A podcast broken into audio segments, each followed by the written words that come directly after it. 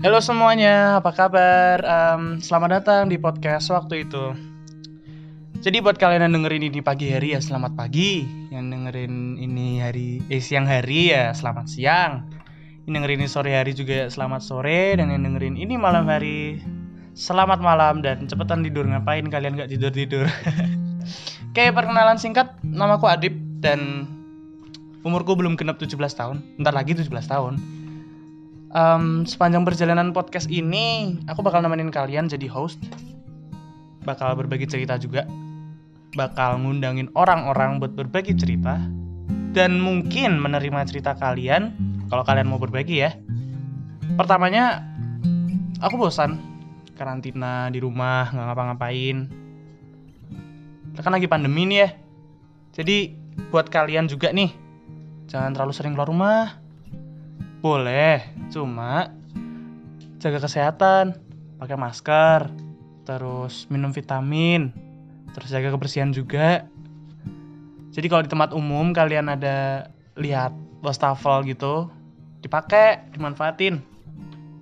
Itu kan udah baik dibantuin dikasih tempat cuci tangan podcast waktu itu mungkin ada yang penasaran apa sih namanya kayak klise banget sering banget dipakai namanya mainstream tapi ya ada alasan khusus di balik nama itu. Jadi pada awalnya kita udah merenung nih buat bikin podcast. Kenapa ya? Karena ya itu buat me menyalurkan kegabutan daripada di rumah nggak ngapa-ngapain tugas banyak banget karena sekolah daring ya kan? So we decided to make a podcast. And then um, namanya kita ambil dari isi konten kita tentu saja. Kita tuh nanti bakal sharing-sharing tentang cerita di waktu itu. Maksudnya adalah cerita yang sudah pernah kita alami dan mungkin sudah pernah kalian alami atau mungkin bahkan yang akan kalian alami.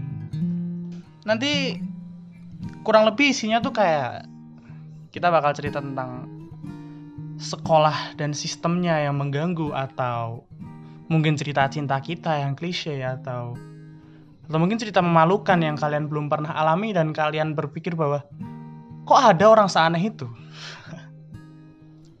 so buat kalian yang lagi di jalan macet, lagi dengerin suara klakson, kalian yang di kantor lagi ngetik dengerin suara mesin keyboard dan kalian yang lagi di toilet lagi lagi fokus dan buat kalian yang butuh teman karena kalian kesepian, hujan, kalian inget-inget mantan atau siapa gitu, kalian boleh banget dengerin podcast ini. Daripada kalian bingung mau ngapain, mendingan kalian dengerin suara aku.